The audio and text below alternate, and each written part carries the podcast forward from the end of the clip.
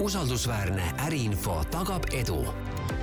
kuula parimaid kogemusi ja õppetunde, miks ja kuidas aitab ärisuhteid tugevdada oma turu, klientide ja koostööpartnerite põhjalik tundmine. podcasti toetab Kredit Info, Eesti suurima äriinfo andmebaasi ja maksehäireregistri haldaja tervist, minu nimi on Hando Sinisalu, te kuulate Kreditcasti podcasti, mille toob teieni Kredit Info ja tänase saate teemaks on edukus, edukad ettevõtjad ja edukad ettevõtted. ja minu vestluskaaslaseks on äh, aasta eduka ettevõtja konkurssi korraldava firma Ernst and Young partner Ranno Tingas ja üks selle konkursi finalistidest, Uptime'i juht äh, Eero Tohver ja enne kui me teemale eh, sügavuti sisse läheme, eh, ma palun eh, võib-olla defineerida üldse mõiste edukas ettevõtja ja edukas ettevõte, et kui Ranno teie käest küsida, et kuidas teie defineeriksite edukat ettevõtjat, edukat ettevõtet, siis millistele tingimustele see peaks vastama? ja tere, väga hea kui me räägime nagu edukusest, siis äh, noh, ilmselt ettevõtluses me ei pääse üle ega ümber majandusedust. aga kindlasti on ka teiselt poolt oluline see, et see ei ole ainult majandusedu, vaid see on selgelt ka selline puhas ja hea käekiri, kellega teised tahavad ka äri teha. et äh, kui kellelgi on nii-öelda üheks aastaks väga ilusad numbrid, on see siis käibekasv või või, või kasumlikkus, aga tegelikult eh, keegi temaga pikas perspektiivis ei taha äri teha, siis, siis ma arvan, et see ei ole edukas ettevõtja, nii et kindlasti edukas ettevõtja on ka see, kes on teistele usaldusväärne ja, ja kellega tahetakse äri teha ja kellel on pikaajaline mõju ka ühiskonnale. kuigi kindlasti see hakkab vähem silma, seda on raskem mõõta, aga, aga ma arvan, et see on väga oluline äris, et selline ärieetika ja, ja õigete asjade tegemine. Eero tere päevast minu poolt ka, et ma olen kõige sellega nõus, mis enne öeldud sai, et äh, ma arvan ka, et, et, et nagu igal erialal samamoodi nagu ettevõtluse poole peal on võib-olla üks selline noh, väga selgelt nagu mõõdetav osa, kus on mingisugused käibed ja kasumid ja muu taoline ja teine on ikkagi seesama nagu inimlik pool, eks, ja, ja mingisugune selline noh, võib-olla ka ühiskonnas kaasarääkimine, tagasiandmine ja nii edasi. Äh, et aga võib-olla nagu lihtsustatult öeldes, et äkki siis edukas ettevõtja on see, kes on valmis ehitanud ühe või mitu edukat ettevõtet ja eks see edu on ka natukene selline, et ta võib olla erinevate inimeste jaoks natuke erinev. et kes võib-olla peab silmas nagu edukus selles, eks ole, et on ettevõte kasvanud väga kiiresti väga suureks, kes selles, et ta on stabiilselt näiteks kasumlik olnud, et, äh, et eks ta on selline, et igaüks paneb võib-olla natuke enda jaoks asjad paika, aga noh, kindlasti on mingisugused sellised üldised asjad, et ettevõte toimib edasi, on jätkusuutlik, teenib raha, suudab investeerida oma tegevusse, sellised üldised asjad. aga kuivõrd üldse on võimalik ettevõtjat ja ettevõtet äh, siin lahutada, et äh, ilmselt erinevates ettevõtetes on see ühe inimese või selle ettevõtja roll erinev, aga, aga, aga ikkagi, et kui palju Äh, on siin roll meeskonnal, partneritel ja kui palju on äh, selle ühe persooni roll, et kui me vaatame kasvõi maailmas, äh, ma ei tea, hetkelgi kõige suuremaid ettevõtteid nagu Amazoni või, või Microsofti, et ikkagi Jeff Bezos ja, ja Bill Gates ja tegelikult ka Teslas Elon Musk on ikkagi nagu äh, superstaarid, et äh, väga paljuski nagu selle ettevõtte edu nagu tugineb neile, kuigi nendes ettevõtetes töötab nagu kümneid tuhandeid inimesi. et, et kui, kuidas üldse see ettevõtja persooni ja ettevõtte edu omavaheline seos on teie arvates, Eero? no ma arvan seda, et kui, et selleks, et keegi peaks ennast nagu edukaks ettevõtjaks, selleks peaks tema ettevõte olema ikkagi selgelt noh, kasvanud või kasvamas suuremaks kui tema ise et noh, samamoodi nagu ma arvan, et kõik vanemad mõtlevad selle peale, et nad tahavad, et nende lapsed oleks tublimad ja paremad ja edukamad kui nemad, eks. siis ma arvan, täpselt sama asi on nende organisatsioonidega, et kui ikkagi mingisugune organisatsioon on selline väga selgelt, ütleme jõuluvana ja teda abistavad päkapikud tüüpi mudel, siis ma ei usu, et selline organisatsioon saab nagu pikas perspektiivis olla nagu edukas ja jätkusuutlik. et äh, ma arvan, et nagu iga juhi ja iga ettevõtja sihukene eesmärk võiks minu arvates olla et seesama organisatsioon on ühel hetkel oluliselt suurem kui tema. no Ernst Young valib äh, aasta ettevõtjat persooni, et äh, kuidas teie seda enda jaoks olete lahti mõtestanud, et, et mis see persooni roll ettevõtte edus on ja vastupidi, et kui palju siin see tiim kaasa mängib? Jah, nii see on, et meil on aasta ettevõtja konkurss, mis tähendab, et see inimene on seal fookuses, see inimene, kes on pannud võib-olla oma raha, oma teinekord oma kodu pantinud selleks, et see äri võiks kasvada ja et ta võiks seda teha. nii et kindlasti seda tuleb eristada, saab eristada ja teatud juhtudel ka ettevõtja võib ka oma ettevõtte maha müüa ja selle rahaga alustada hoopis uut äri, nii et kindlasti on olemas ka sariettevõtjad, kes ongi eh, sellised käivitajad, kes panevad ühe ettevõtte käima, kasvatavad teatud suuruseni, müüvad selle maha ja on valmis jälle uue ettevõtjaga et,, ettevõttega alustama ja selliseid näiteid me näeme nii startup maailmas päris paljusid, kuigi ütleme, on ka päris tuntud ja teatud Eesti ettevõtjaid, kes on samamoodi tegutsenud, et äh, müünud sama äri päris mitu korda maha ja, ja lihtsalt selle tõttu, et neil on oskused seda uuesti üles ehitada ja, ja edukalt äh, panna käima. No üks äh, selline arutelude ja, ja eriarvamuste koht sealhulgas on, on see, et kas ettevõtja üldse peaks tingimata selles valdkonnas, kus ta tegutseb, olema spetsialist või on ettevõtlus midagi sellist, et et see inimene opereerib raha ja, ja muude ressurssidega, valib õiged inimesed ja on nagu see käivitaja ja sinna ettevõttesse ise nii-öelda kätt, kättpidi sisse ei lähe, et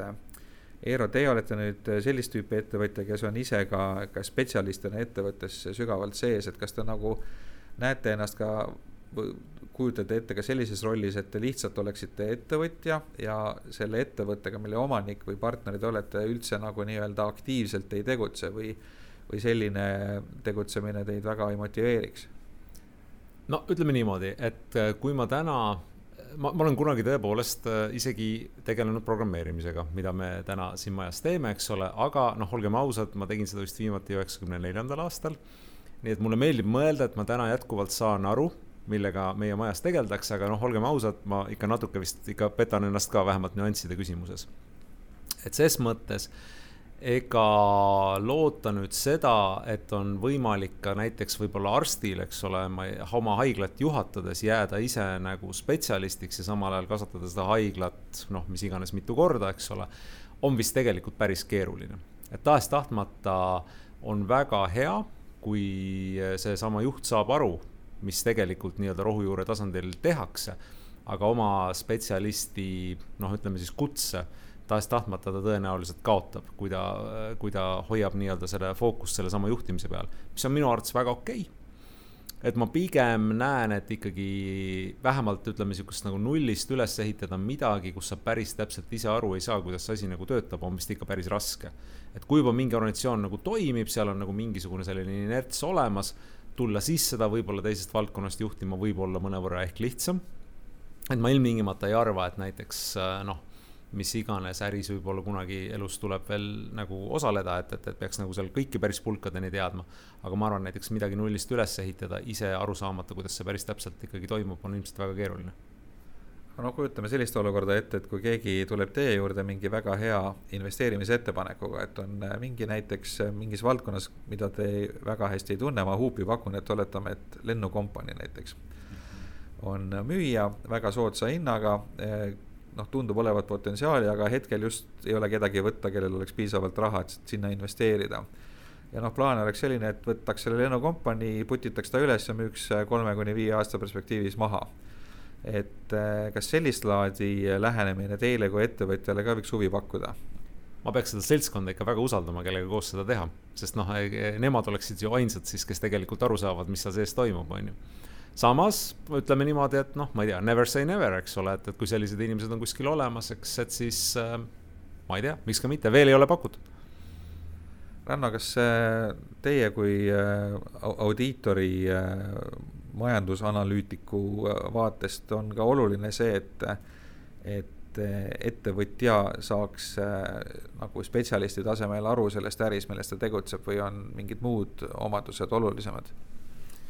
et kindlasti sellest valdkonnast arusaamine tuleb ainult kasuks, aga kui me vaatame seda aasta ettevõtja konkurssi, siis seal tegelikult selle valdkonna spetsialistiks olemine kindlasti ei ole eeldus, et äh, see on küll sageli, paraku on nii, sest inimesel on alati lihtsam teha äri selles valdkonnas, mida ta tunneb, millest ta saab aru, kus ta teab inimesi, kus on tal kontaktid, nii et see kindlasti aitab kaasa. aga,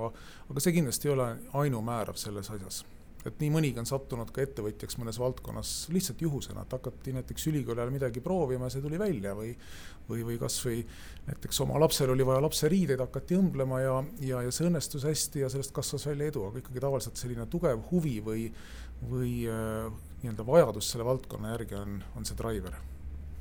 No edust rääkides ei saa mööda vaadata ka ebaõnnestumistest, et kas aasta ettevõtja konkursil äh, on šansse ka neil, kes on läbi teinud mingi väga tõsise ebaõnnestumise pankroti või isegi mitu pankrotti, sest eks ju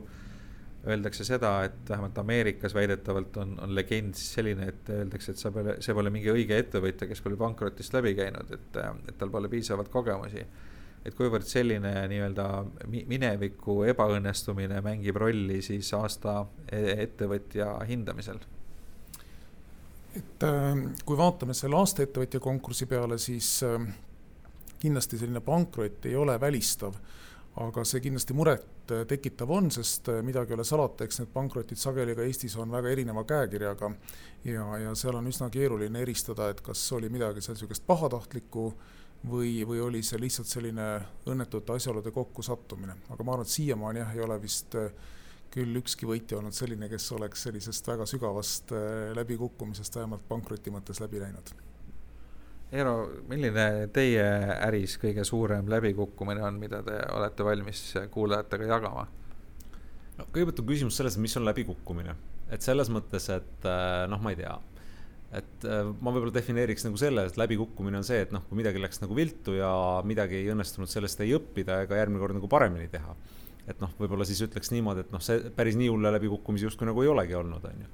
aga seda, et nagu kellelgi kõik tuleks välja, noh, ma arvan, et kui keegi kunagi ütleb, et noh, tal elus on kõik asjad välja tulnud, eks ole, noh, siis ta A, kas noh, mälu pole vanemas eas enam päris see, eks ole, on ju, või ta lihtsalt on tahtnud nagu teha sihukest head müüki ja marketingi, on ju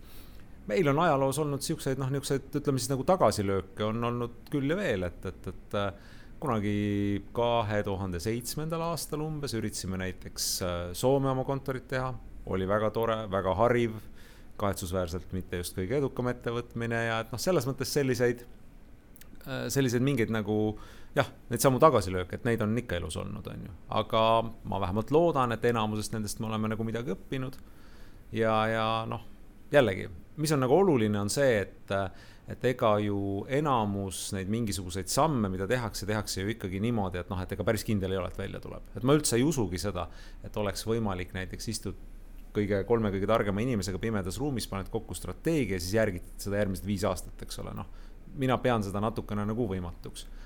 ehk ühesõnaga, küsimus ongi pigem selles, et sa teed nagu mingisuguseid samme, sul on mingisugused hüpoteesid, on ju. need sammud peavad olema nagu piisavalt väiksed ja piisavalt turvalised selleks, eks ole, et kui see tuleb tagasilöök, eks ole, noh, läheb täitsa nagu valesti, on ju. et siis on see midagi, mille saab rahulikult kokku pakkida ja minna mingisuguses uues suunas. et ma ka kindlasti ei võta neid kuidagi tagasilööke kuidagi nagu traagiliselt see vist oli Winston Churchill, kes defineeris edu niimoodi, et edu on äh, võime liikuda ühelt ebaõnnestumiselt teisele ilma sealjuures entusiasmi kaotamata. et äh, see kõlab küll inglise keeles paremini, aga mõte on, on siis äh, selline, nagu ta oli, et kuidas, Eero, teie, kes olete pikalt ettevõtluses olnud, suudate säilitada entusiasmi, et tegelikult üks, üks nagu omadus, mis inimestel kogemustega tekib, on ju ka teatud selline äh, entusiasmi kadu, et, et kui sa oled juba kogenud tagasilööke, ebaõnnestumisi, siis sa oled juba järgmine kord ettevaatlikum ja ei torma võib-olla äh, uutesse ettevõtmistesse nii entusiastlikult kui, kui alustav äh, ettevõtja. ja, ja lõpuks see, see kogemuste pagas võib hakata nagu kammitsema, et kuidas seda entusiasmi ikkagi säilitada nojah, et eks siin on mitu poolt, et üks pool on tõepoolest see, eks, et ähm, ütleme nii, et mida vanemaks saad, seda rohkem näed, kui mitmel erineval moel võivad asjad tuksi minna, eks ole. et aga teistpidi jällegi näed ka seda, et kuidas asjad nagu välja tulevad. Ja, ja mis on kindlasti, ma arvan, oluline, et noh, kui keegi ikkagi sedasama näiteks ettevõtte juhi või noh, või ka mis iganes nagu sihukest tegevust pikkade aastate jooksul teeb, et, et ma arvan, et see roll, see amet peab kuidagi nagu arenema et mina küll ei kujutaks ette, et ma teeks nagu täpselt samu asju, mida me kunagi tegime üheksakümnendate lõpul, teeks siin nagu samamoodi nüüd edasi ja veel järgmised kakskümmend aastat ka. et meil kindlasti seesama organisatsioon ja ka see, mida me täna nagu teeme, on tegelikult ikkagi väga-väga teist nägu sellest, äh, mida ta oli näiteks kakskümmend aastat tagasi, on ju. Ja noh, ütleme, mis see trikk nüüd täpselt selles on, et me ikkagi entusiastlikult sööstame uusi vigu tegema, ma isegi ei oska öelda, põnev on nagu tore. et ega me olemegi enda jaoks nagu mõelnud, et noh et millal võiks olla see hetk, kus me ühel hetkel ütleme, et noh, aitab küll. et ma arvan, et see hetk võikski olla see, kui enam ei ole nagu ühtegi ideed, mida võiks nagu kuidagi paremini teha või uutmoodi teha või siis ilmselt olekski see hetk, kus öelda, et võib-olla peaks keegi teine nüüd jätkama. Ranna, kuidas teie äh, entusiasmi säilitate, et eks igas ametis ju on neid tagasilööke ja rutiini ka tekkimas, et kuidas hoida nagu ennast kogu aeg erksana ja, ja innustununa?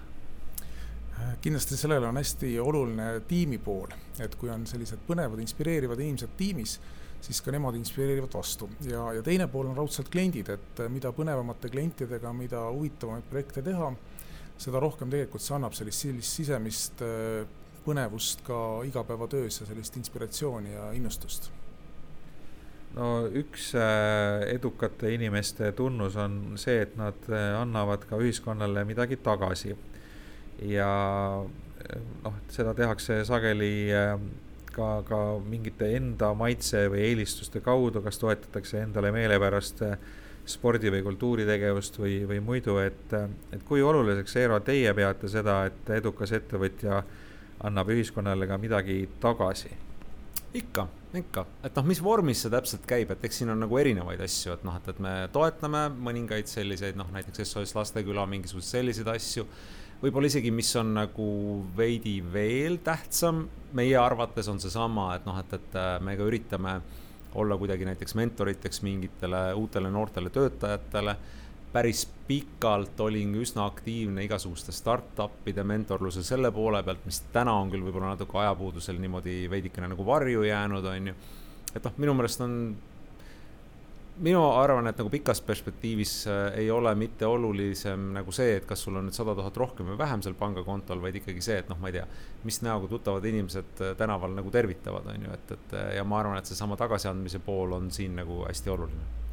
Aga mille alusel neid projekte valida, et, et noh, kui puhtalt äriliselt sponsorlusest rääkida, siis vahel turundusinimesed isegi mõõdavad seal äh, Äh, ma ei tea, saavutatud kontakte või meediakajastuse äh, sellist äh, sentimenti ja igasuguseid muid asju, aga, aga samas paljud annavad ka lihtsalt niisama tagasi, ilma sealjuures nagu mingit otsest maine või, või turunduslikku efekti mõõtmata, et kuidas teie valite neid projekte, mida, mida toetada või, või kus kaasa lüüa? me oleme täna natukene sellises kohas, kus me neid teemasid tegelikult täpsemalt nagu läbi mõtlemegi eks ole, et, et, et, et siiamaani ta oli meil rohkem äh,, kuidas ma ütleks, niisuguse võib-olla nagu enda emotsiooni pealt, et tundusid nagu õiged asjad ja peaks tegema. me oleme natukene läbi mõtlemas, et äkki me oleme jõudnud oma kasvus sinnamaale, et meil peaks see kuidagi nagu süsteemsem olema, on ju. Aga mis see täpselt nüüd tulemus saab olema või kuidas see tule, tulevikus hakkab juhtuma, et meil endal ka selline põnev koht praegu? No üks teema, mida eriti praegusel ajal ettevõtjad äh, armastavad üles võtta, on see, et, äh, et kui nad analüüsivad äh, riigi juhtimist, et siis tuuakse ikka jälle näiteid, et vot, vot eraettevõttes küll niimoodi ei saaks et selli-, selline juht küll eraettevõttes päevakestki vastu ei peaks ja nii edasi ja nii edasi, et noh, poliitika on alati libe tee, aga ei saa sellest ikkagi üle ega ümber ka, et, et kuidas teie, Eero, vaatate Äh, praegust äh, sellist avaliku sfääri juhtimise kvaliteeti, et, et kuidas see tundub võrreldes erasektoriga, et kas see juhtimiskvaliteet või see edukus, mis seal on, on võrreldav erasektoriga? ma ütleks, et see on nagu nii ja naa, et ühest küljest kahtlemata äh, on võimalik tuua mitmeid näiteid mingisugustest nii-öelda juhtidest, kes on teinud mingisuguseid selliseid samme, mida võib-olla tõesti erasektoris saaks teha umbes ühe korra, eks ole, ja peale seda olekski nagu ametist vaba, on ju. teisest küljest mul on ikkagi nagu ka sügav austus nende inimeste ees, eks ole, kes, kes seda tööd teevad. et ma ütleks, et noh, et nagu minu elu on nende elust ikka kümme korda nagu lihtsam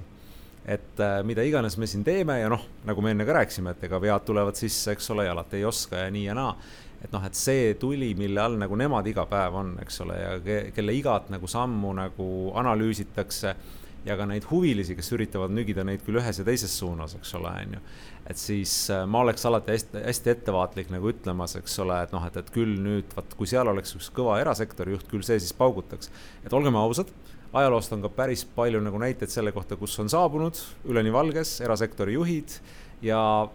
võib-olla ei ole olnud nii edukad, kui on alguses olnud nende enda ja ka teiste kõrvaltvaatajate soov. No Ernst Youngi aasta ettevõtja konkursil äh, avaliku sektori äh, tegijad vist ei osale, et äh, see on ikkagi ettevõtluskonkurss, aga aga kui, kui te nüüd mõtleksite neid avaliku sektori juhte, et kas, kas nendel oleks ka šansse võrdväärsena konkureerida, noh, puhthüpoteetiliselt siis eduka ettevõtja konkursil. Jah, hüpoteetiliselt see võiks isegi olla võimalik, sest eks tõesti ma olen nõus, et äh, ka avalikus sektoris on väga inspireerivaid ja, ja tõsiselt pühendunud inimesi ja ja eks seal muidugi on ka selline sopaga ülevalamise risk nagu palju suurem, nii et äh, olen ka ise nõus, et see on ikkagi suur respekt nendele, kes on erasektorist liikunud äh, avalikku sektori, sest noh, nii mõnigi on tulnud ka sealt tagasi ja, ja eluks ajaks mõelnud, et ta ei taha enam avalikku sektori minna aga ma arvan, et kindlasti ka avaliku sektori juhid väärivad rohkem tunnustamist ja see on kindlasti koht, kus ka riigil on vaja mõelda, et kuidas ikkagi pikaajaliselt neid inimesi hoida pühendunud ja motiveerituna, sest eks seal on omad väljakutsed. Kui nüüd eh, reputatsioonist veel rääkida, siis eh, krediidiinfo annab välja ka krediidireitingu analüüse, need on, tuginevad mitte mainele, vaid, vaid puht äh, numbritele ja vaadatakse siis ettevõtte sellist äh, rahanduslikku usaldusväärsust. Ja äh, Uptime'il on õnnestunud saada kolm A triple A reiting krediitinfo käest ja, ja Eero, te olite ka ainus ettevõtja tänavusel konkursil, kellel see kolme A reiting oli, et kas te olete midagi ekstra selleks ka teinud või erilist tähelepanu pööranud, et, et firma rahaasjad oleks sellised nagu, nagu prillikivi või on see kuidagi iseenesest äh, välja kukkunud? ütleme see, et me nüüd selle eest reitingu saime, eks ole, see tuli äärmiselt meeldiva üllatusena. et äh, eks selle nimel, et, et, et asjad oleks korras ja võiks nagu rahulikult magada, ei peaks nagu muretsema, et eks loomulikult selle, selle nimel me nagu, nagu, nagu töötame, eks ole. võib-olla oleme aeg-ajalt isegi natuke liiga konservatiivsed, vaata ei oska öelda täpselt, eks et, et jah, et me nagu kuidagi oleme mõelnud nii, et katsume ajada nagu oma asja. kui see nagu sobib, näiteks reitinguagentuurile, eks ole, või ka mõnele konkursile, suurepärane. aga ega me ikkagi noh, ütleme meie enda nagu eesmärgid tavaliselt mingite reitingute või selliste asjadega nagu ikkagi seotud ei ole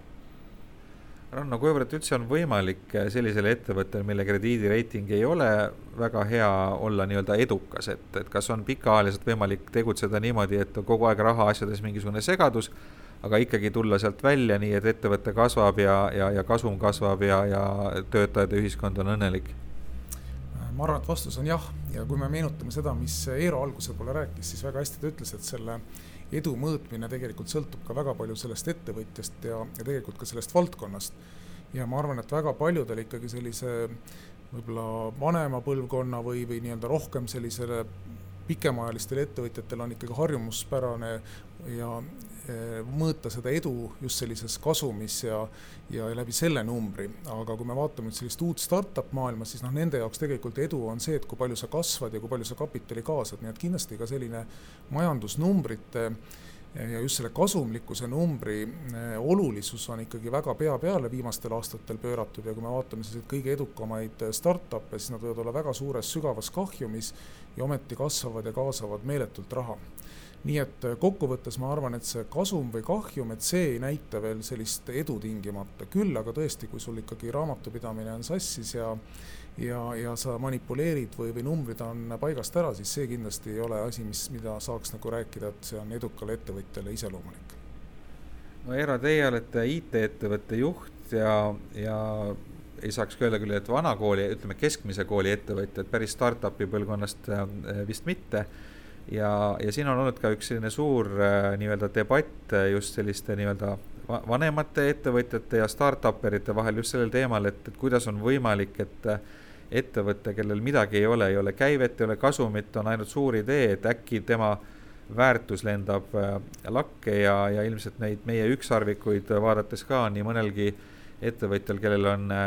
seadmed ja masinad ja, ja suured kasumid, on nagu raske aru saada, et kust see mingi üle miljardi dollari väärtus siis ikkagi tuleb, et et noh, teie IT-ettevõtjana olete nagu noh, võiks öelda mõlemas paadis, et ühest küljest tehnoloogia IT-sektoris ja teisest küljest äh, kogenud ettevõtja, et kas teie mõistate nagu või, või, või, või mis te sellest arvate, et ku, kuidas on võimalik, et sellised väga noored ettevõtted saavutavad äh, noh, suuresti oma tulevikulubadustele tuginedes nii suure äh, väärtuse? no eks päeva lõpuks on ju kõik turg, eks, nõudlus ja pakkumine et kui nagu ja, ja meil on nagu ju väga mitmeid näiteid sellest tegelikult, kus startup'id, kellel tõepoolest ei olnud mitte midagi peale ägeda idee, tõstsid mingisuguse koguse raha ja päeva lõpuks olid need äh, startup'id väga edukad, need investorid teenisid suurepärase tootluse ja see on ju loomulik, et kui sa vaatad, et naabrimees tegi sellise triki ja tal läks väga hästi, et siis ma tahan ka. Et kas see täna on läinud võib-olla kuidagi nagu üle võlli ja võib-olla need äh, valuation'id on tõusnud nagu liiga kõrgeks, eks ole ma arvan, mingitel juhtudel kindlasti, mingitel juhtudel võib-olla mitte, on ju. ja noh, eks ta ongi nagu natuke selline, need ongi nagu riskiinvesteeringud. ja ma arvan, et mõned firmad teevad neid kadestamisväärselt hästi, mõned, mõnedel mitte nii, nii hästi ja eks ta ongi nagu selline, et noh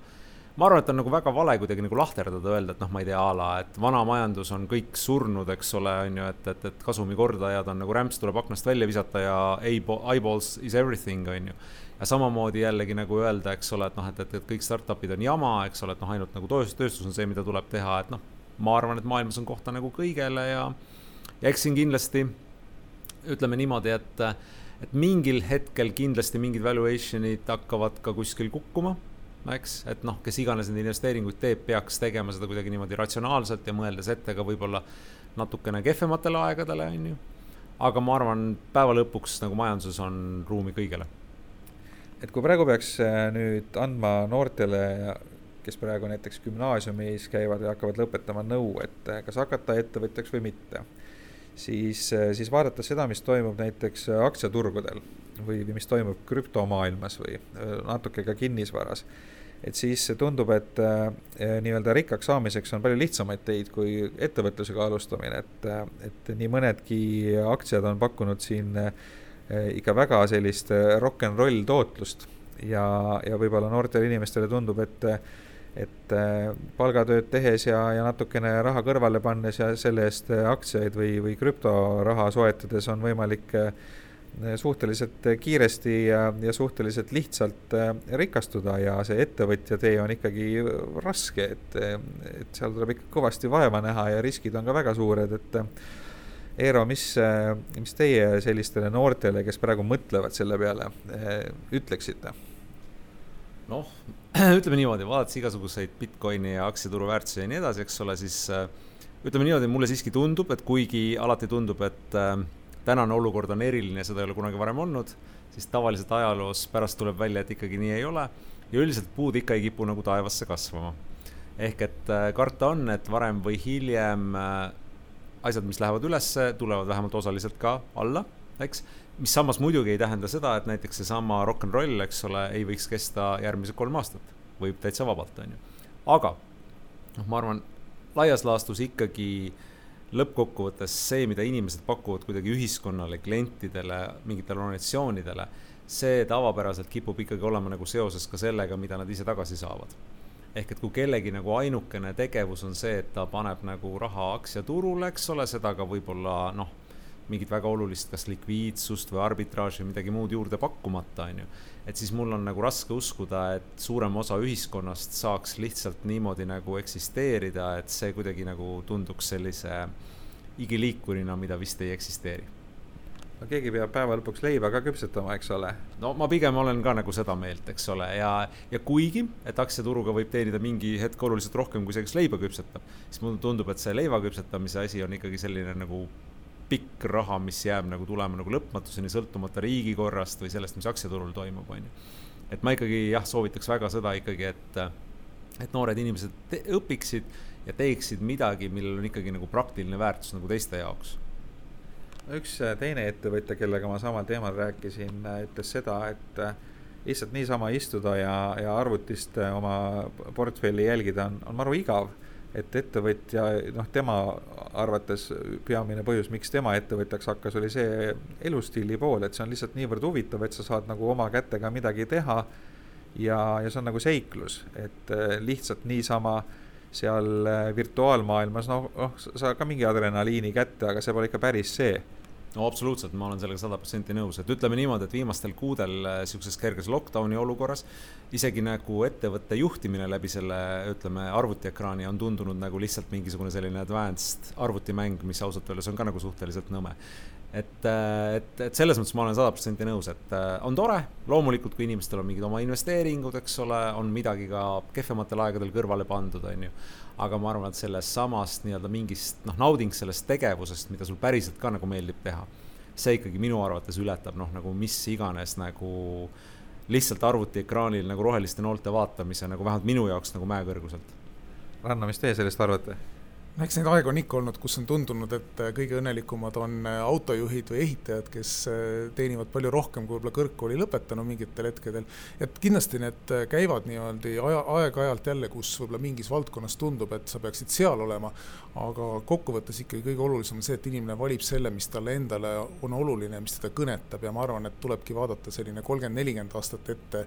mitte nagu seda hetke ühe aasta nii-öelda vaadet, et mis ma seal aktsiaturul teenin. aga sellega ma olen ka nõus, et tõesti säästud on olulised, nende õige paigutamine ja, ja ka tuleviku peale mõtlemine, et selline finantskirjaoskus, et ka seda tasub igal juhul juurde õppida ja, ja proovida. et nii-öelda selline edu valem on siis see, et teatud osa raha on mõistlik investeerida ja, ja hoida siis nii-öelda endale mingid teatud mustade päevade varu, aga, aga ainult sellega tegeledes ka maailm edasi ei liigu, et tuleb ikka oma, oma käte või oma, oma peaga ka midagi äh, lisaks veel teha, et, et maailma edendada? no keegi peab ju seda väärtust looma, keegi peab looma seda, mis, eks ole, nende ettevõtete kasumeid tõstab ja nii edasi, eks ole, muu, muul moel see ei olekski ju võimalik. aga üks teema veel, mis haakub eduga, on, on taustakontroll ja, ja reputatsioon, et Uptime on rahvusvaheline ettevõte ja tegutsete mitmetel turgudel, et kui palju äh, teie jälgite oma partnerite, klientide tausta, et ei juhtuks seda, et nad äh, teid kas petaks või võlgu jääks või mingit muud äh, pahandust tekitaks? meil on niimoodi, et äh, põhiliselt me tegutseme nendel turgudel, kus meil on oma nagu kontor ka olemas ja need inimesed, kes, kes siis seal seda kontorit juhivad, et nemad ka põhiliselt sedalaadi teemade eest vastutavad. meil klientide arv iseenesest võrreldes tiimide suurusega ei ole väga suur ja kuna meie jaoks on ka nagu hästi oluline sellesama kliendi ärist nagu arusaamine, et me üldse oskaks talle nagu mõistlikku teenust pakkuda, siis tavaliselt noh, see siiamaani ei ole see krediidirisk ja sihuke asi olnud meie jaoks nagu kõige olulisem asi. kuna tavapäraselt, eks äh, sellesama nende, ütleme, klientide, ettevõtjate ja nendega rääkides, tavaliselt tuleb päris hästi välja, mis seisus nad omadega on. ja me noh, loomulikult eks me ikka vaatame ka seda, et noh, et, et, et kõik see, mis nad nagu räägiksid, et see kuidagi nagu numbritega ka nagu vastavuses oleks, eks. aga, aga jah, meie äri nagu olemusest nagu tulenevalt ütleme, selline noh, sisusse süüvimine on olulisem kui mingite väga konkreetsete numbrite jälgimine no meedia armastab asju lihtsustada ja, ja nii ka mina ja, ja ma küsin teie käest sellist klišeelikku asja, et äh, milles peitub äriedu saladus või milline on äriedu valem. et loomulikult siis kõigile kuulajatele väike reservatsioon ka, et äh, seda ei saa päris üks-ühele kohe tormata nii-öelda ellu viima, et see on lihtsalt üks idee ühelt inimeselt. võite seda arvestada, võite mitte, aga, aga huvitav oleks kuulata siiski. Eero, et mis, mis see teie arvates oleks? Ma pakun võib-olla kõigepealt siukse natukese sellise konservatiivsema vaate võib-olla sellele asjale et see on nagu, ma arvan, laias laastus sama asi nagu sihuke hea inglise muru, eks ole. et ega seal mitte midagi keerulist ei tule teha, seal tuleb lihtsalt hommikuti nagu niita, eks ole, õhtuti kasta ja niimoodi kakssada aastat järjest. et ma arvan, et nagu äriga on nagu sama asi, et, et tuleb valida endale mingisugune selline valdkond, mis suudaks nagu olla nagu huvitav ja inspireeriv nagu pikemas perspektiivis ja mis peaks kuidagi nagu sobima ka. et noh, ütleme, et kui sa oled nagu väga lühikene ja tahad mängida väga kõvasti korvpalli, et noh, siis on võib-olla lihtsalt natuke nagu šansid sinu vastu, eks ole aga kui tundub, et nagu loodus toetab ja ennast nagu huvitab ka, eks ole, noh, siis tulebki, ma arvan, hakata otsast peale ja teha ja teha ja saada igasugustest raskustest üle ja ühel hetkel vaatad, et tuligi välja. Ranna ja see on hea küsimus ja, ja võib-olla sealt äh, ütlekski niimoodi, et hästi oluline kindlasti komponent selles valemis on, on pühendumine.